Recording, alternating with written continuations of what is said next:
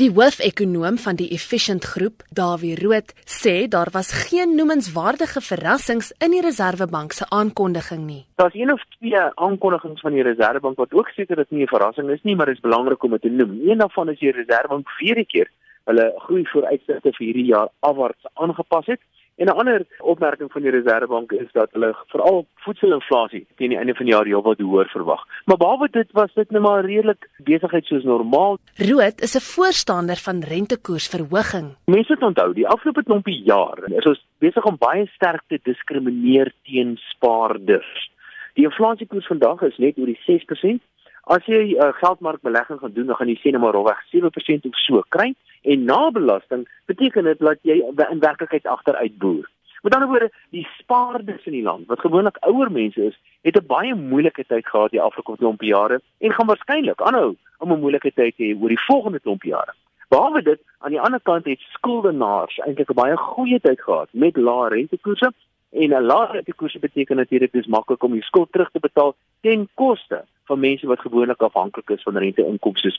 'n Ekonomiese raadgewer by PwC, Dr. Rolof Botha, sê egter 'n rentekoersverlaging is in die land sowel as die verbruiker se beste belang. In die stadium is Suid-Afrika se besparing hoofsaaklik geleë in pensioenfonds bydraes en hier en daar natuurlik ander polisse ook wat na die langtermynversekeraars toe gaan en die geld word belê natuurlik in staatseffekte waar die opbrengs 9% is en ook in die aandelebeurs en in 'n mate party mense kan ook in die, in die eiendomsmark belê waar die opbrengskoerse daarom heelwat beter is as die geldmarkrentekoerse. As iemand nou 'n bietjie geld in 'n geldmark het wat ek dink nie baie goeie plan is, dan sal hulle nou nie hou van lae rentekoerse nie.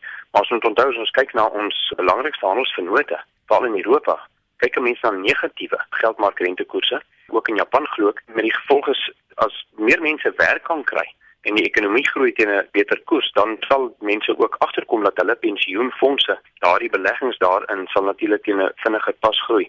So ek is nie te bekommerd daaroor nie. Rood sê die realiteit is dat rentekoerse was en is steeds baie laag in Suid-Afrika. Dis 'n heeltemal 'n abnormale situasie. Die een of ander tyd moet die wêreld terugkeer na 'n meer normale situasie waar rente ten minste in reële terme 'n positief is. Waar dit nou is, is onhandhaafbaar laag. Ons sal nie en ons gaan nie hier bly nie en ons gaan uiteindelik hoër rentekoerse sien. Dit is 'n eenvoudige ekonomiese waarheid. Rood voel ook dat die Reserwebank ietwat aan die optimistiese kant is wat ekonomiese groei betref, maar hieroor stem hy nie met hulle saam nie. My verwagting vir ekonomiese groei hierdie jaar is 'n goeie moontlikheid van 'n negatiewe ekonomiese groei in die eerste kwartaal met ander woorde 'n resessie wat die eerste kwartaal betref. Die tweede en die derde kwartaal gaan ook baie swak vertoon en die, die kans is baie goed dat ons 'n nul ekonomiese groei koers vir hierdie jaar kan sien of 'n net net positiewe ekonomiese groei. Gegee die huidige politieke omstandighede, die huidige beleid en die feit dat die implementering van beleid in Suid-Afrika maar redelik vrotterig is